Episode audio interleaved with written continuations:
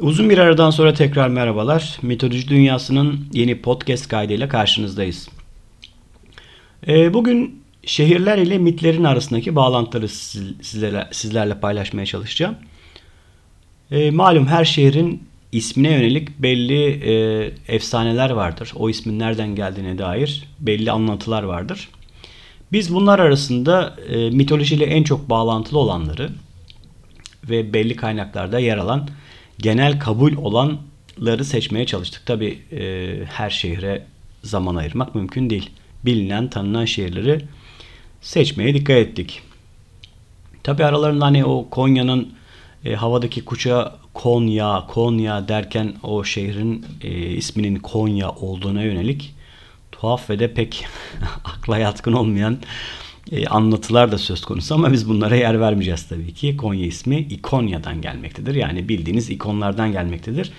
Zamanında Konya'da büyük bir ikon varmış ve o şekilde anılmış. Neyse biz konumuza geçelim. Şehirler ve mitleri anlatalım. Şehirler ve mitler deyince e, tabi bunlar arasında e, mitolojinin kalbi sayılabilecek şehirlerle başlamak en doğrusu diye düşünüyorum. İlk olarak Yunan mitolojisiyle ve Athena ile başlayalım. Athena dedim ama Atina tabii ki. İngilizcesi Athens, e, Yunancası yanlış hatırlamıyorsam Atheni. E, bunu aslında Daidalos'ta da biz paylaşmıştık. E, tabii burada görüş ayrılıkları da söz konusu. Atina şehrinin mi ismini Athena'dan aldı yoksa Tanrıça Athena'nın mı ismini Atina şehrinden aldığı konusunda belli görüş ayrılıkları var. Biz bu görüş ayrılıklarını bir kenara bırakarak e, genel kabul gören anlatıyı sizlerle paylaşalım. Daidalos konusunda anlattığımız gibi e, Atina'nın kurucusu ya da en azından Atina'ya medeniyeti getiren Kekrops şehrin e, kuruluşundan 50 yıl sonra artık bu şehrin bir tanrıya ait olması gerektiği, tanrıya adanması gerektiğine karar verdi. Sonuçta bir koruyucu tanrının o dönemde insanların ve şehirlerin e, hamisi olduğunu inanılıyordu ve e, şehri kötülüklerden koruyabileceği düşünülüyordu. E, bu konuda iki tanrı öne çıktı. Bunu Daidalos konusunda işlemiştik hatırlarsanız. E, Poseidon ve Athena. Poseidon bu şehrin hamisi olmak için gücünü gösterdi. Da, işte dalgaları kaldırdı vesaire. Athena da yine daha önce anlattığımız gibi e, şehre bereketli zeytin ağaçları sundu. Bunun da o şehri kalkındıracağını ve insanların mutlu mesut yaşayacağını e, anlattı. E, Athena'nın tezi kabul edildi ve Athena şehrin e, koruyucu tanrısı olarak ilan edildi. Sonra onun adına büyük bir tapınak yapıldı. Buna kızan Poseidon tabi Athena'ya ilk başta bir e, yüklenmesi oldu. Belli felaketler sundu vesaire derken ama bu iş atlatıldı. Ve nihayetinde Athena'nın Atina'nın koruyucu tanrısı Athena oldu. Dediğim gibi başta burada acaba Athena mı şehir adını verdi yoksa şehir mi Athena'ya adını verdi? Burası biraz karışık ama Atina ve Athena birbirinden ayrılmaz birer parçadır. Atina şehrini Athena'dan geldiğini biz kabul ediyoruz. Dönelim mitolojide önemli yeri olan bir başka şehre Roma'ya. Roma şehri hem İtalya'nın hem antik Roma'nın hem de Roma mitolojisinin kalbi sayılabilecek bir yer.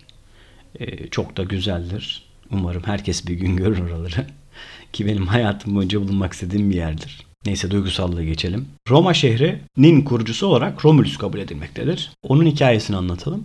Romulus ve Remus ikiz kardeştirler. Anneleri Rea Vesta tapınağının bir rahibesidir. Bu tapınaktaki rahibeler ki genelde rahibeler öyledir. Bakiredirler ve ömürleri boyunca hiçbir erkekle birlikte olmazlar, evlenemezler, e, cinsel ilişkiye giremezler vesaire. Rea kimi söylentilerde uyurken kimi söylentilerde de ormanda bir şeyler toplamak üzere e, yalnız başına dolaşırken savaş tanrısı Mars tarafından görülür. Rhea çok güzel bir kadındır. Mars onu görür görmez etkilenir. Ona sahip olmak ister. Bu tanrılardaki bir tecavüzcülük olayı maalesef aşamıyoruz bir türlü. E, Mars sonunda Rhea ne kadar direnirse dirensin sonuçta bir tanrıdır ve güçlüdür.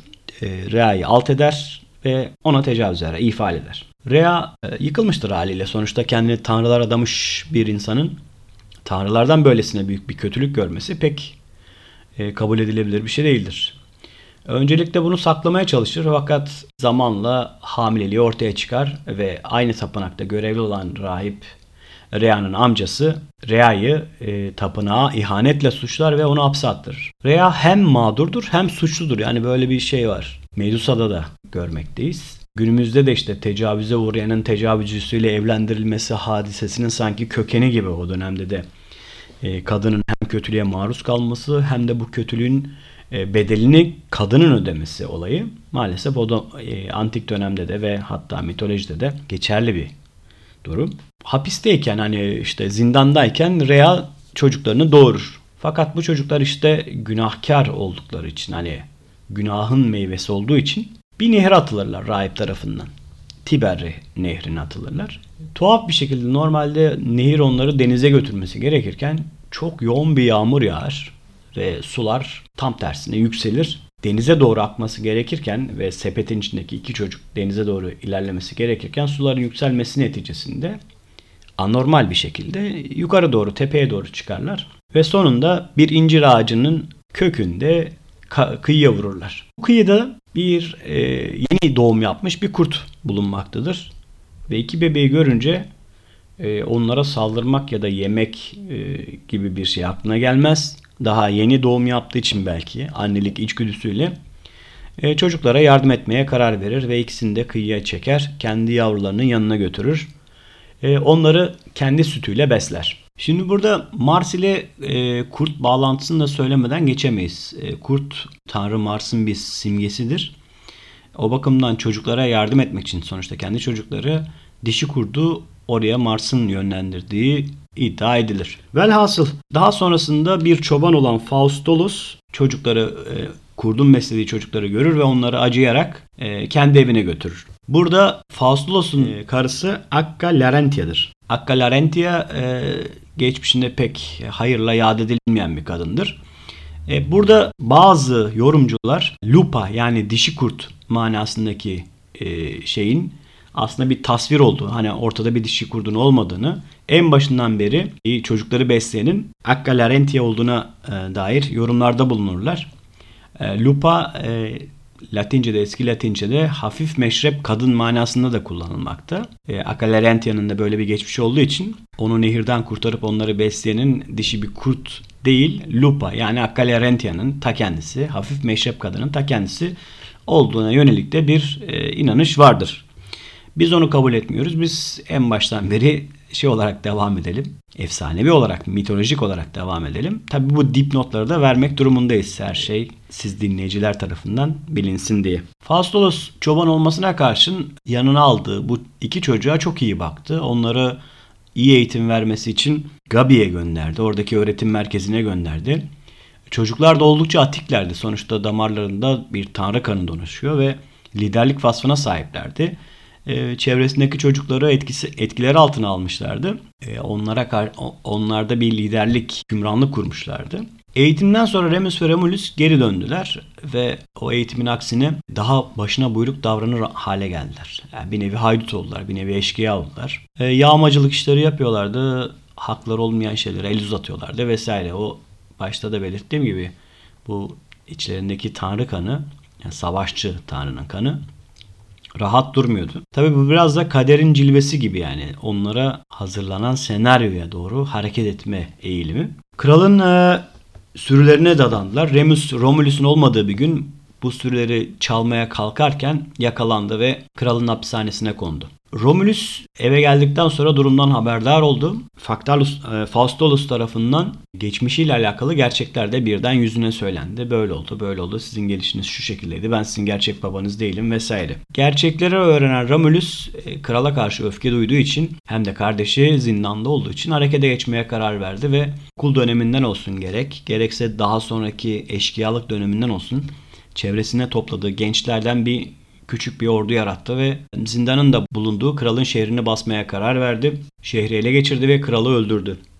Ee, kralı öldürdükten sonra gerçek dedesi olan Numitor'a e, iktidarı teslim etti. Bundan sonrasında e, iki kardeş kendilerine ait bir şehir kurmaya karar verdiler. Zaten etrafında da etraflarında da epeyce bir e, asker birikmişti. Bunlarla birlikte bir şehir kurmaya karar verdiler. Şehrin ilk sakinleri çevresinde topladıkları gençlerdi. E, ve bu saldırgan gençler zamanla çoğalmaya başladılar. İtalya'nın diğer bölgelerinden kaçan haydut olsun, hırsız olsun, katil olsun ne kadar e, kanun kaçağı varsa gelip e, Romulus'a sığınıyorlardı. Romulus ve Remus'a sığınıyorlardı ve Bu şekilde şehrin nüfusu çoğalmaya başladı. Ama tuhaf bir şekilde sadece erkek bir nüfus oluştu. Ee, Romulus ve Remus şehrin gerçek manada bir şehir olabilmesi için kadın ve çocuklara yani aileye ihtiyaç olduğunu düşündüler.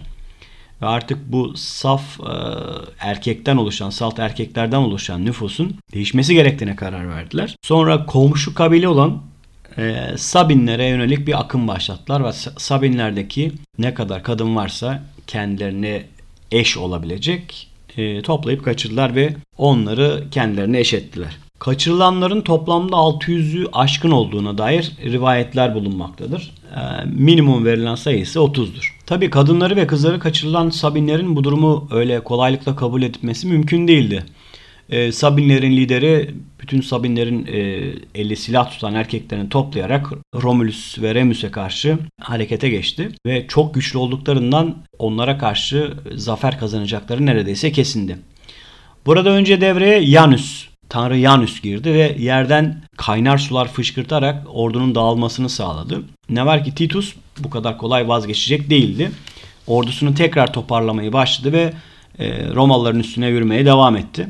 Tam o sırada artık e, bozgunun kesinleştiğini gören Romulus Jüpiter'e karşı bir ulu bir yakarışta bulundu. Büyük bir yakarışta bulundu. Eğer bu felaketi önlerse kendisi adına e, şehrin en büyük tepesine çok görkemli bir tapınak inşa edeceğini haykırdı ve e, Tanrı Jüpiter'den yardım diledi. Jüpiter de bu yakarışa e, kayıtsız kalmadı ve onlara zaferi bahşetti.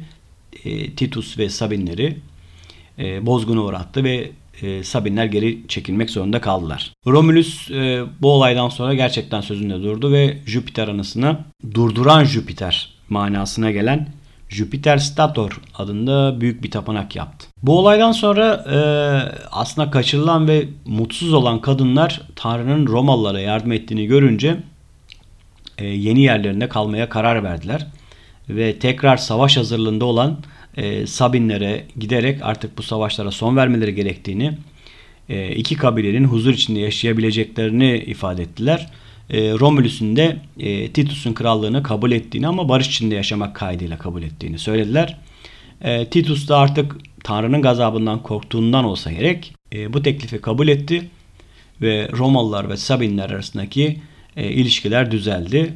Bundan sonrasında artık aralarında bir savaş çıkmadı. Sonrasında belli bir dönem geçtikten sonra e, Titus öl, öldü ve yerine geçebilecek tek güçlü isim Romulus'tu. Romulus tahta oturduktan sonra 33 yıl boyunca e, hükmetti. Ondan önce sadece haydut olan, sadece kanun kaçağı olan insanlar onun sayesinde refaha kavuştular. Keza e, Sabinler de öyle oldukça mütevazı bir e, kabileyken Romulus'un hükümranlığı sırasında e, güce ulaştılar. Bu sebeple de Romulus'u o diyarın babası ilan ettiler ve şehrin ismi ondan sonra Romulus'un şehri anıldı. Oraya Roma dendi. Hikayenin başında ikiz kardeş olarak bahsettik ama sonra hikaye Romulus'te e, devam etti. Remus'u es geçmeyelim. Onunla ilgili anlatılarda da Romulus'un temsili olarak bir sınır çizdiği, Remus'un ise bu sınırı kabul etmeyerek sınırı kolaylıkla aştıktan sonra Romulus'un bunu kendisine saygısızlık olarak e, nitelendirmesi ve Remus'u öldürmesiyle nihayetlenir bu hikaye. Devamında da e, amcaları Romulus'un babaları e, Remus'u öldürmesinden sonra iki kardeş Sanius ve Accius e, şehirden ayrılırlar, Roma'dan ayrılırlar. Artık kendilerini ya güvende görmediler ya da amcalarına karşı babalarının katil olmasından dolayı duydukları e, kinden dolayı şehirden ayrılmaya karar verirler. Biri siyah biri beyaz iki ata binerek Roma'dan uzaklaşırlar. Nihayetinde vardıkları ve kendi şehirlerini kurdukları yer bugün Siena adıyla bilinir. Siena şehri de e, Remus'un çocukları tarafından kurulmuştur. Şehrin simgesi e, çocukları taşıyan atların rengindedir. Siyah beyazdır. Tabi şehrin birçok yerinde de Remus ve Romulus'u besleyen lupa simgesi yer almaktadır. Evet gelelim bir başka güzel şehre, bir başka bilindik büyük şehre. Barcelona'ya. Ee, Barcelona'nın da mitolojiden gelme bir hikayesi vardır. Bu hikayenin kahramanı Herkül'dür. Yason altın e, postun peşine düşmektedir. Altın post malum işte dünya hükümran, hükümranlığının bir simgesidir.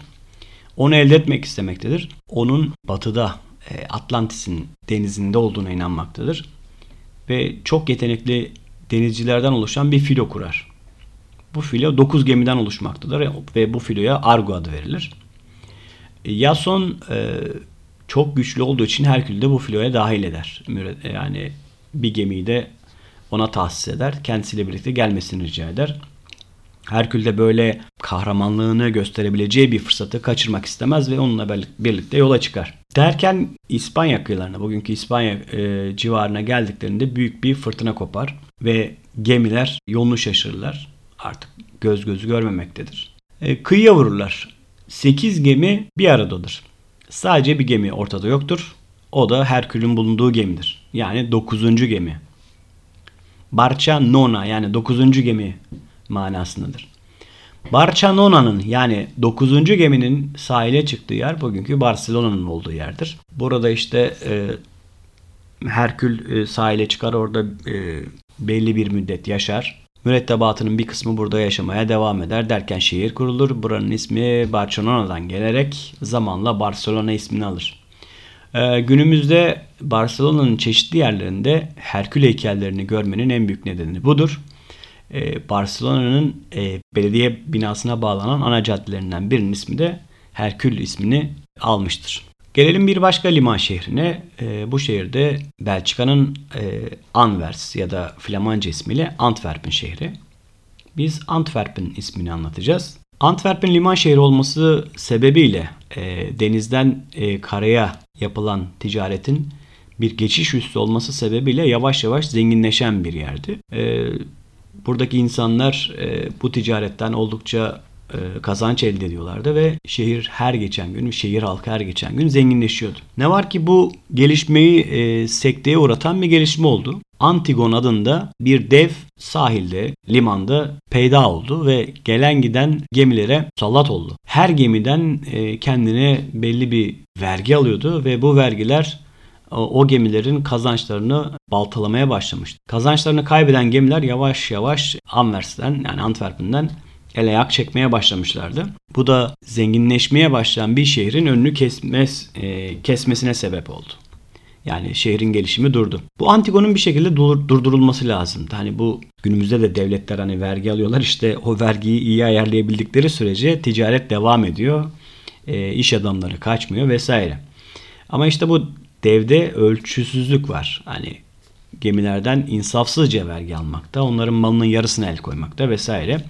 E, bu durumda da gemiler Anvers limanına uğramamaya başlamak. E, bu duruma son vermek isteyen bir kahraman ortaya çıktı. Bunun ismi Silvio Brabo'ydu. Brabant tarafından gelmekteydi. E, Silvio Brabo kimsenin cesaret edemeyeceği bir şeye kalkıştı ve devle dövüşmeye başladı. Deve daha önceden kafa tutmaya çalışan herkes daha hiç harekete geçmeden dev tarafından ortadan kaldırılıyordu. Onun için e, Silvio Brabo'nun bu cesareti halk tarafından şaşkınlıkla ve hayretle karşılandı. Tabi dev tarafından da hayret, hayretle karşılandı. Çünkü kendisiyle bir insanın baş edebilmesi mümkün değildi ama Silvio Bravo da öyle e, cılız bir insan değildi. Oldukça heybetli, güçlü, kuvvetli bir kahramandı. Derken Silvio Bravo yeteneklerini sergileyerek e, devi alt etmeyi başardı. Devi öldürdü.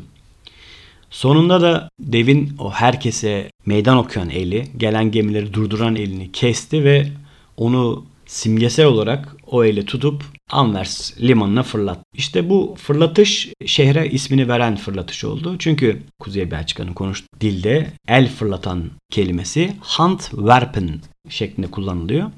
Antwerpen zamanla değişerek Antwerpen halini aldı ve bugünkü liman şehri, güzel liman şehri Antwerpen ismi bu şekilde ortaya çıktı. Bizden iki örnekle e, devam edelim. Bizden derken e, hikayeler bize ait olmasa da şu an şehirler bize ait. Sinop'la başlayalım. E, Sinope Yunan tanrıçasıdır. Irmak tanrısı Asopos'un güzeller güzeli. Gayet mutlu bir hayatı vardır. E, kırlarda oynamakta, babasının ırmak tanrısı olması sebebiyle ırmaklarda yüzmektedir vesaire. Zeus tarafından bir gün görülür. Zeus e, Sinope'yi görür görmez etkilenmiştir. Sinope güzeller güzeli bir kadındır ve Zeus onu kazanmak için her şeyi yapar. E, bürünmedik kılık bırakmamıştır. Yapmadık şaklabanlık diyelim kalmamıştır. Ama ne var ki Sinope'yi etkilemeyi başaramamıştır. Bir gün yine e, Sinope nehir kıyısında dolaşırken rüzgarları ona gönderir ve senin için Olimpos'un tahtından vazgeçsem bana gönül tahtını açar mısın der. Sinope normal şartlarda etkilenmesi gereken Sinope bu duyduğundan ürperir, korkar. Ee, Zeus onu korktuğunu görünce yaklaşır ve kendisinden korkmamasını söyler ve o ne isterse her şeyi yapabileceğini söyler. Yeter ki benden dile der. Ne istersen ama ne istersen yapacağım der. Sinope bunu duyunca der ki o zaman senden tek bir ricam var. Bana dokunma. Hiçbir zaman dokunma. Zeus böyle bir şey beklemiyordur tabii ki. Yani e, benden ne dilersen de derken kendisinden uzak kalmayı, dilemeyi dileyeceğini düşünmemişti. Fakat e, tanrıların tanrısı olduğu için sözünden de dönmek dönmeyi kendisine yakıştırmaz ve ona bu sözünde duracağının garantisini verir. Fakat e, o da ondan bir şey istemiştir. Madem ben dokunamıyorum sana, sana kimse dokunamasın der ve onu alır Karadeniz kıyısında bir bir yere götür. Tepeye bırak. Bu tepe bugün e, Sinop şehrinin kurulduğu tepedir. E, Sinop şehri ismini bu güzeller güzeli Tanrı kızından yani Sinope'den alır. Ege'nin karşı kıyısında e, ki adalardan bir olan Mikonos da adını e, mitolojiden almıştır. Apollon'un oğlu olan Mikonos bu adaya adını veren kişidir. Ki Mikonos e, zamanında Titanlar ile Tanrılar arasındaki e, savaşın geçtiği yerlerden biridir. Ve Mikonos'un etrafındaki e, yüksek kayalar e, zamanında Tanrılar tarafından öldürülen Titanların ölüleri olduğu söylenir. Ege'nin e, bu kıyıdaki diğer bir yerleşim birimi olan Foça'da ismini e, bir mitten almıştır. Bir deniz tanrıçası olan Psamete'nin oğullarından biri Fokios'tur. Fokios'un e, kurduğu şehirde bugünkü Foça ve civarıdır. Oralara e, Fokios'un kurduğu o şey e, o bölgeye Fokia adı verilmiştir. Fokya'nın zamanla e, ismi günümüzde Foça olarak e, çevrilmiştir. Ayvalık'ın hemen karşısında yer alan Midilli Adası Türkçe e, ismiyle e, Yunanca ismiyle Lesbos Adası da e, ismini mitolojiden almıştır. Tanrı Apollon'un e, yarı tanrı bir kadından doğan oğlu Lafietes'in dört çocuğu olmuştur. Bunlardan en küçüğü Lesbos'tur. Lesbos bir ilham neticesinde e, yaşadığı şehri terk ederek Midilli adasına göçmeye karar vermiştir. Adaya çıktıktan sonra da adanın prensesinin e, güzelliğine kapılmıştır. E, prenses de e, Lesbos'u beğenmiştir ve e, hayatlarını birleştirmişlerdir. Nihayetinde Lesbos adanın e, hükümdarı olur ve ada sakinleri onun döneminde çok rahat bir yaşam sürerler. O öldükten sonra da ada Lesbos ismiyle anılmaya başlar. Lesbos adasındaki en büyük şehir de Lesbos'un karısı Prenses Lapitai adını almıştır. Evet, Lesbos'u da anlattık. Bu kaydımızı burada sonlandıralım. Mitoloji sayfamıza podcast yayınlarıyla alakalı son 2-3 haftadır oldukça talep geldi. Neden e, yayınları durdurduğumuzla alakalı. Aslında yayınları durdurmadık. E, fakat yeni çıkan kitabımız Kötülüğün Mitleri için zaman ayırmak durumundaydık. Hem kitabın tanıtımı, çıkış aşamasındaki yoğunluk dolayısıyla kitaba zaman ayırmak durumundaydık. O bakımdan gerek sayfayı gerekse de podcast yayınlarını biraz ihmal ettik. E, kitap çıktığına göre bundan sonra hem sayfaya hem de podcast'te daha fazla zaman ayırabileceğimizi düşünüyorum. Olabildiğince haftalık ya da 15 günde bir yeni kayıt girmeye çalışacağız. Bir sonraki yayında görüşmek üzere. Hepiniz hoşçakalın.